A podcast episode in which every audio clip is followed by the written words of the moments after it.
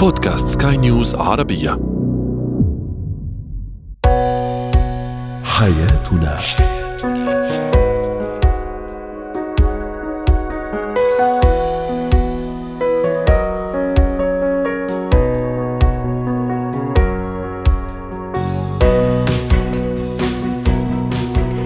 أهلا بكم مستمعينا إلى برنامج حياتنا البرنامج اليومي الذي يعنى بشؤون الأسرة. واليوم هناك موضوعات متنوعة عن تعامل الأم مع أبنائها المراهقين فتيات وأولاد دون وجود الوالد لأي سبب كان. هناك أيضا موضوعات أخرى تتحدث عن المراهق العنيد مع والدته تحديدا. وهناك أصول وقواعد لتقديم العزاء بالشكل المناسب مراعاة لحالات الوفاة. هو وهي. أهلا بكم من جديد. نبدأ اليوم برنامج حياتنا بتعامل الأم مع أبنائها المراهقين في غياب الوالد لأي ظرف كان. نتحدث عن أن الأم في هذه الفترة ربما تكون أقرب إلى الأبناء وتحديدا الفتيات في هذه المرحلة ولكن ربما يكون غياب الوالد يتسبب في الكثير من المشكلات التي تعيق الأم في تصرفاتها مع أبنائها المراهقين. معنا في هذه الفقرة الاستشارية الأسرية الدكتورة لما الصفدي أهلا بك دكتورة لما. يعني موضوع المراهقين موضوع هام جدا وهي مرحلة عمرية كما نعرف جميعا من أهم وأخطر المراحل في حياة الإنسان. وتبقى الأم صامدة في هذه المرحلة. كيف يمكن أن تتعامل الأم في هذه المرحلة مع أبنائها المراهقين؟ نبدأ اولا بالصبية. أكيد هي تجربة صعبة على الأم. وخصوصا بالتعامل فترة المراهقة اللي هي لو كانت حتى الأركان الأسرة متكاملة بوجود أب وأم فهي تجربة جدا صعبة وحاليا كثير من العائلات بتعاني منها. فما بالك لو كانت الأم لوحدها. الخطأ اللي بصير بأنه أغلب الأمهات هم يعني بينسوا دورهم كأم فبالتالي هي بتتقمص دور الأب والأم معا. ولكن أحيانا لما نحن نحاول بأنه نخلي الصورة مكتملة الأركان بطريقة مبالغ فيها حتى لا يحدث النقص ممكن يكون هذا بحد ذاته هو الخطأ. يعني الأم لما أحيانا هي بتستغني عن كونها أم حنونة متفهمة فجأة بتصير هي الأم الصارمة هي القاسية هي اللي بتطلق الأوامر والأحكام والشروط. فبالتالي أحيانا حتى المراهق حتى لو بدينا كصبيان فهو بضيع لا هي أب لتكون هي بمكان الأب ولا هي بعدها الأم الحنونة اللي بالعادة الأولاد ممكن يكون الأب حازم قليلا فبيلجأوا للأم الحنونة اللي هي بتطبطب وبت بتمشي المشكلة وبتخلي الأمور تكون ماشية بطريقة أقل ضرر. فإذا أحيانا الضغط المسؤولية بخلي طريقة التعاطي مع الأم مع الأولاد هون بتكون أنا اللي بشوفها على أرض الواقع من القصص بتكون سبب المشكلة كبيرة بإنه يعني بيكون النصيحة الأهم للأم بإنه انت عيشي دورك كأم معهم. لا تحاولي تاخذي كل الأدوار. ونبدأ بالبحث عن حلول بديلة. طب دكتور لما يعني ما هي أبرز هذه الحلول البديلة؟ يعني هل ربما يكون تعاون بعض أعضاء أو أفراد الأسرة الكبيرة أو العائلة كالخال أو العم بمشاركة هذه الام في هذه المرحلة؟ يعني ربما يكون يعني أبرز الحلول. اولا مثل ما تفضلتي فعلا. أول حل أنا بقترحه وجود بديل للأب. لو كان الأب مسافر فهو المفروض يزيد من تواصله مع الأبناء حتى لو كان عن طريق بأنه مثلا نحن نطلب يصير تواصل مع الولد بحسب التقنيات الحديثة.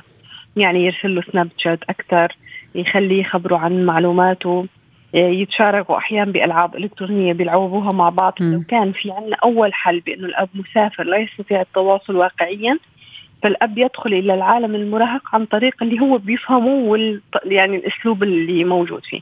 م. لو كان الأب غير متوفر مثل حالات الطلاق اللي بصير فيها انتقام م. الأب بيغيب وبيكون غير فاعل ووجوده ممكن يكون حتى في ضرر على الأولاد نتيجة عنف أو نتيجة م.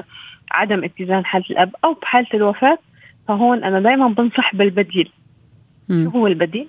البديل أكثر شخص الأم بتثق فيه وبتحس بأنه هو شخصيته قريبة إلى شخصية الأب، يعني ممكن يكون الخال، ممكن يكون العم، ممكن يكون الجد، بعض الحالات كثير الجد بيساعدنا، ممكن يكون صديق العائلة. م. فبالتالي نحن بنبحث بالمحيط عن شخص هو يقوم بدور الأب الناصح الواعظ اللي هو يعني صورة الذكورة موجودة فيه بالدرجة الأولى.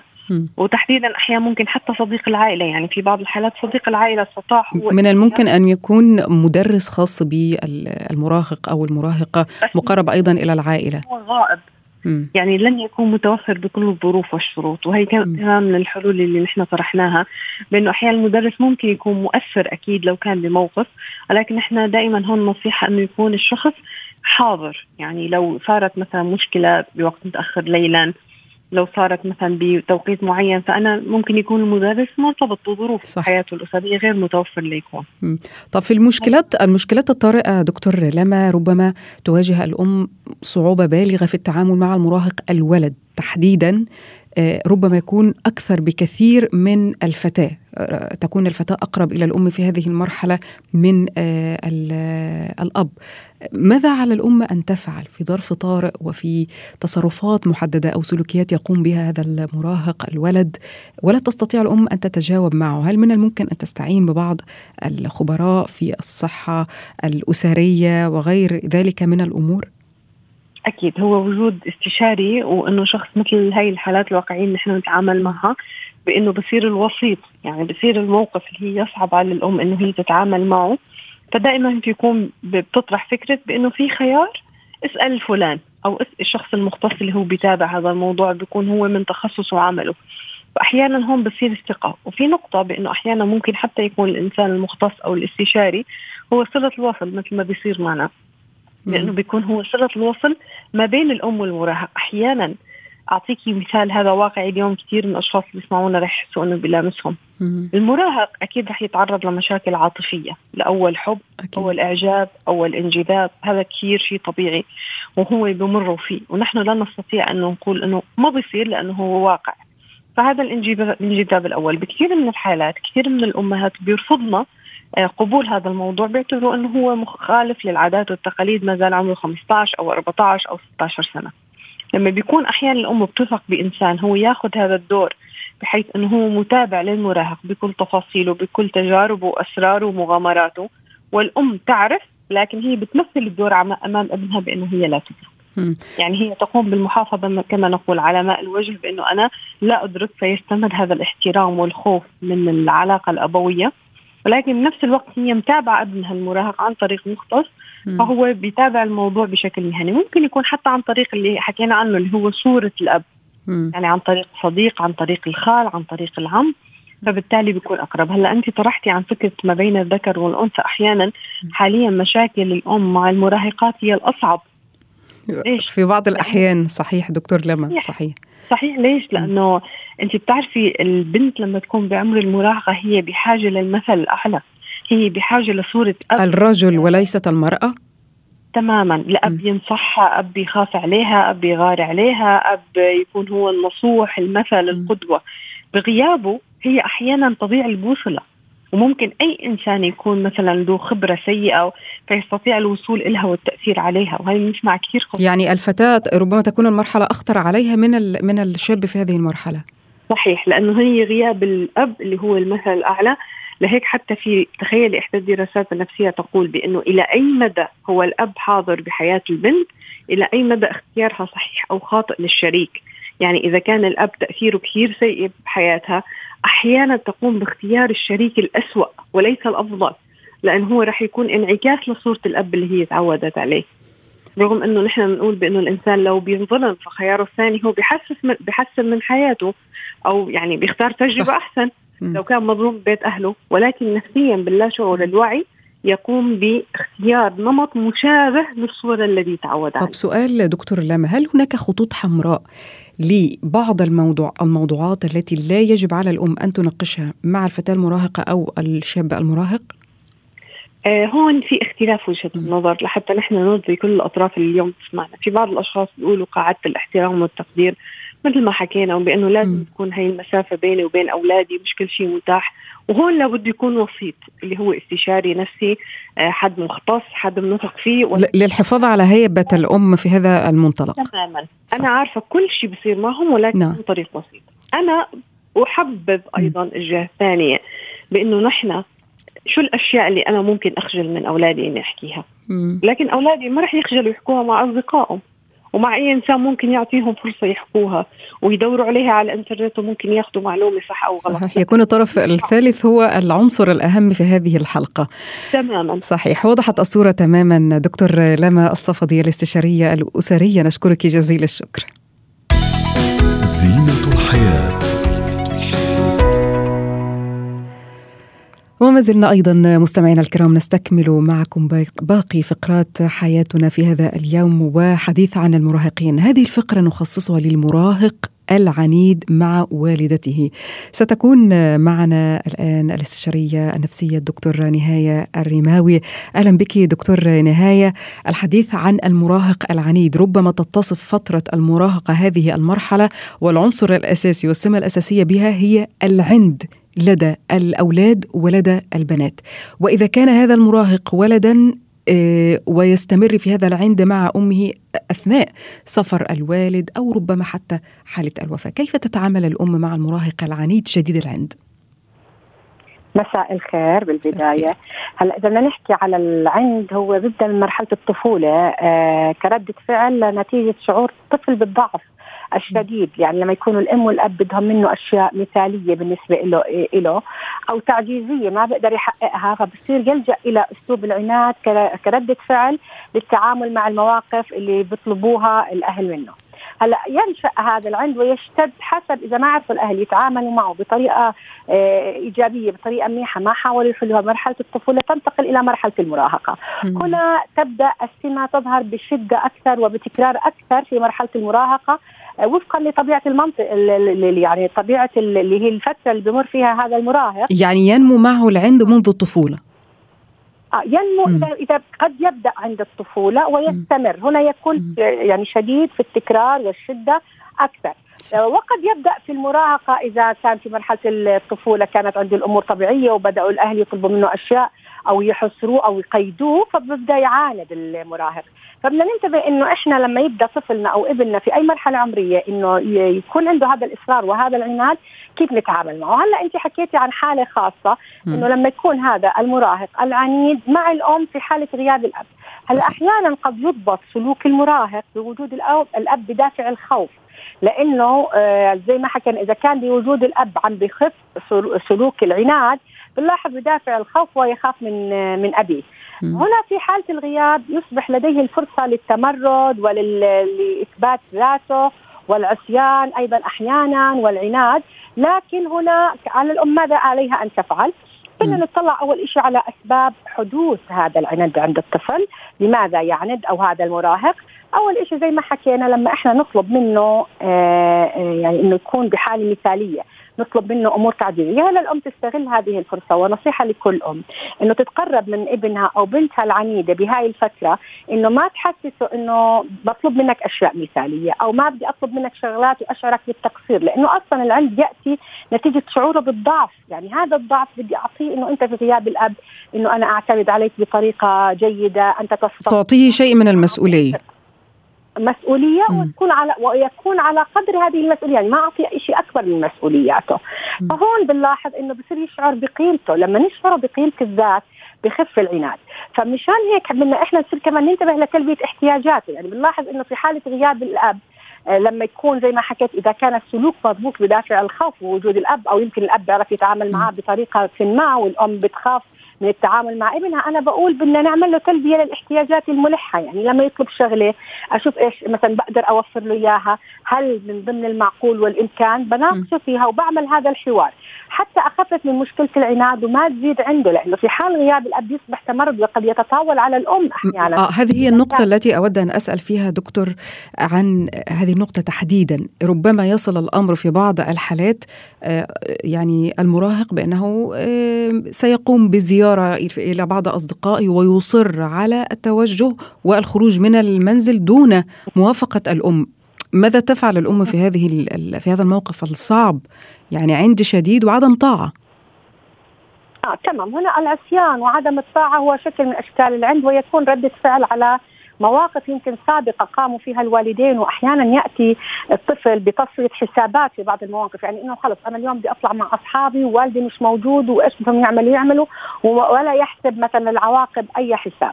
هنا الأم بدها تتصرف بحكمه تتواصل معه تحس إنه هو مصر إنه بده ينام عند صاحبه أو عند أصدقائه. ممكن تتواصل مع الأهل ممكن تحكي له طيب أوكي إحنا ممكن نتفق إنه هاي الليلة بتيجي بكرة أي ساعة يعني تعطيه هو رح يعمل هذا السلوك شاء أم ابت إلا إذا كان في وسيلة للمنع طبعا كان في له صديق أو عم أو خال يتدخل ويرجعه بطريقة مش بطريقة الفرض. يعني إحنا دائما في مثل هذه الحالات اللي بي آه المناقشة معه يعني ستكون نعم. أفضل من القرار.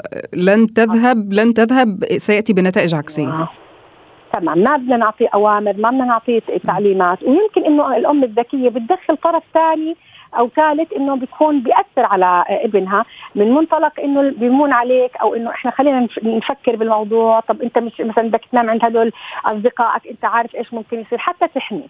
هلأ إذا صار وأصر إنه برجع ثاني يوم بناقشه ما بعاقبه حتى ما يتكرر هذا السلوك. يعني بقول إنه قديش كان آه، مؤلم بالنسبة لها إنه حست حالها فقدت السيطرة في غياب الأب. تحسسه مش بالشعور بالذنب بقدر ما هو بالمسؤولية. يعني إنه إحنا ما عندنا مانع تطلع مع أصدقائك لوقت معين لكن النوم بالنسبة لنا من ضمن تعليمات الأسرة هو مرفوض فبدنا نمشي حتى طب دكتور نهاية يعني هناك آه. بعض المواقف الصعبة التي ربما يقع الضرر على المراهق يعني آه، آه، شاب مراهق يطلب من أمه في غياب والدي بأنه آه، سيذهب إلى رحلة سفاري مع أصدقائه في الصحراء وهو في منتهى الخطورة ولن تستطيع هي كأم وكسيدة وامرأة أن آه، تتجاوب معه في مثل هذا الأمر. كيف يمكن أن تصدر قرار لابد من الطاعة في هذا الأمر؟ هلا أول شيء بدنا نحكي التواصل التواصل الإيجابي. يعني ممكن هلا إحنا زي ما إحنا عايشين بهذا المجتمع المتقدم إنه ممكن يصير تواصل الأب والأم والابن عن طريق أي وسيلة من وسائل التواصل المرئي مثلا ويتم الحديث حتى يتم أخذ القرار الجماعي.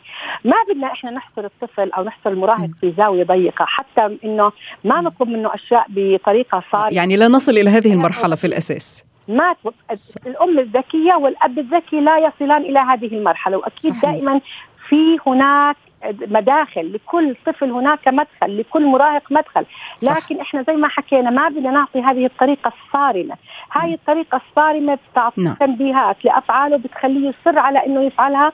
وزي ما حكينا تفكير المراهق بهاي المرحلة العمرية تعطيه الأوكي إنه أنت استمر بما تقوم به. تمام وضحت الصورة. لابد من آه. آه. وضحت الصورة تماما وعذرا لضيق الوقت. نشكرك جزيل الشكر دكتور نهار ريماوي الاستشارية النفسية.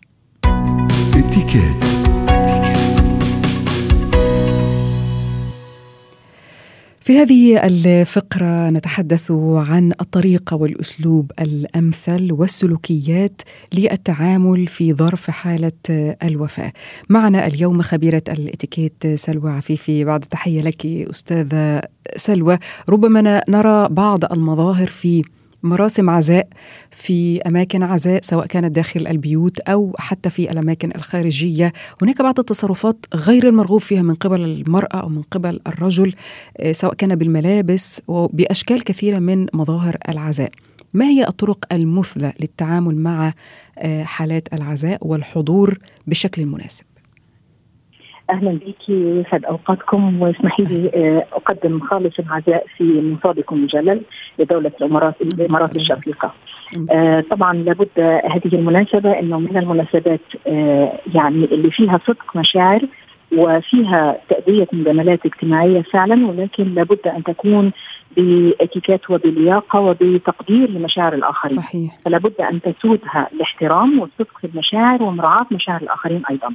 هذا الاحترام يعني يمكن أن نعبر عنه من خلال مظهرنا وسلوكنا وكلامنا. المظهر أنه مظهري أصلا لابد أن ألتزم بالملابس الرسمية أو الملابس الوطنية أو الزي المحتشم على الأقل. الألوان المتعارف عليها يمكن في بعض العادات والتقاليد تكون اللون الاسود آه يعني أو الألوان الغوامق كحلي رمادي غامق آه سواء للسيدات أو للرجال.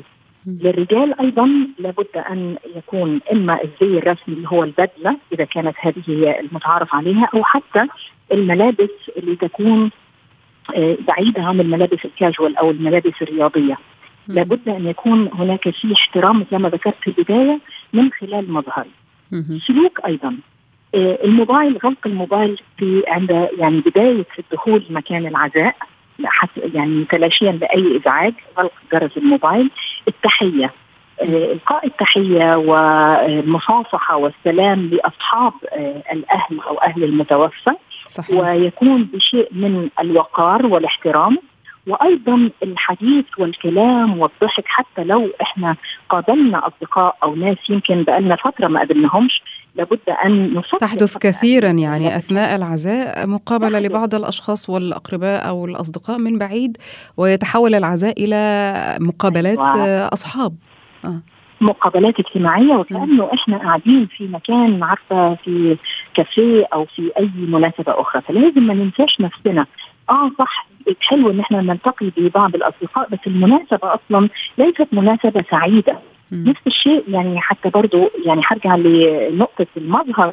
عدم المغالاة في أو الإكثار والمبالغة في الإكسسوار والمجوهرات وال brand names كل والعطور كل هذه الأشياء طبعا تفسد المظهر المحتشم المظهر اللائق أو المظهر اللي خلينا نقول اللي يتسم بالوقار مناسبة لهذا الموقف الجليل أو الموقف المهيب ربما أيضا نقطة. أخرى أستاذة سلوى نرى في بعض يعني هذه المراسم لتقديم العزاء في بعض آه، الشخصيات العامة نرى الصحفيين والمصورين يتواجدون في هذا هذه الأماكن ويتم نعم. تخطي كل الحدود لهذه المناسبة. نعم. كيف يمكن أن يكون هناك تحكم في هذا الأمر من قبل أقرباء آه، الشخص المتوفي؟ حتى لا لا يعني لا يكون هناك يعني يعني آه، لا أستطيع أن اقولها يعني جرح لكل المشاعر الخاصة بأهل المتوفي والمقربين له. طبعا أكيد إنه بيكون في في بعض العزاءات بيكون في شخصيات عامة اللي هم ال VIP أو ال celebrities أو الشخصيات الفنانين. المفروض إنه دول جايين يقدموا واجب عزاء. مش لازم إحنا نقتحم خصوصيتهم ومش لازم نقتحمهم ولا نقترب منهم. والتقاط الصور أستاذة سلوى مع هؤلاء الأشخاص. الصور ما لسه كنت بقول لك. آه طبعا.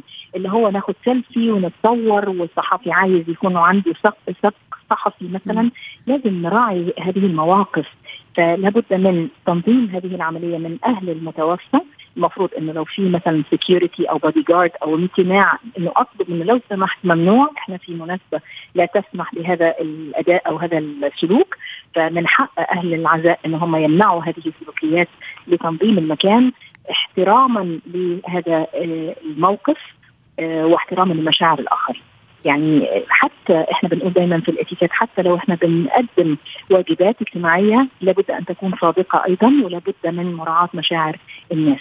آه الكلام أيضا آه في قاعدة ظريفة يعني ممكن حلوة إن إحنا نتبعها يعني خلينا نفكر قبل أن آه نتكلم. صحيح. يعني إنه مثلا هل الكلام كلام موزون؟ مفيش داعي أقعد آه يعني أقلب المواجع زي ما بنقول. صحيح. يعني أقعد أقول طب مات إزاي؟ إيه اللي حصل؟ وإيه الأسباب؟ ويا وكذا. خلينا نترك المجال. ممكن كلام مواساة يكون حلو مكان يكون يعني عفوا كلام يكون فعلا وكلام آخر يثير المشاعر. فعلا يكون كلام إضافة صحيح. يكون كلام فعلا فيه مواساة يكون في مراعاة لمشاعر أهل المتوفى يكون في صدق يكون في تقوية وإن أنا أعطي عزيمة ودفع وطاقة إيجابية وليس نعم. يعني الدخول في صحيح. مواضيع يمكن تكون حساسة جدا لأهل المتوفى فلا بد أن نفكر صح. قبل أن نتكلم. صحيح. وضحت الصورة تماما خبيرة الإتيكيت سلوى عفيفي والحديث عن أفضل الأصول والقواعد لتقديم واجب العزاء بالشكل المناسب ومراعاة حالة آه، أقارب المتوفي. شكرا جزيلا لك.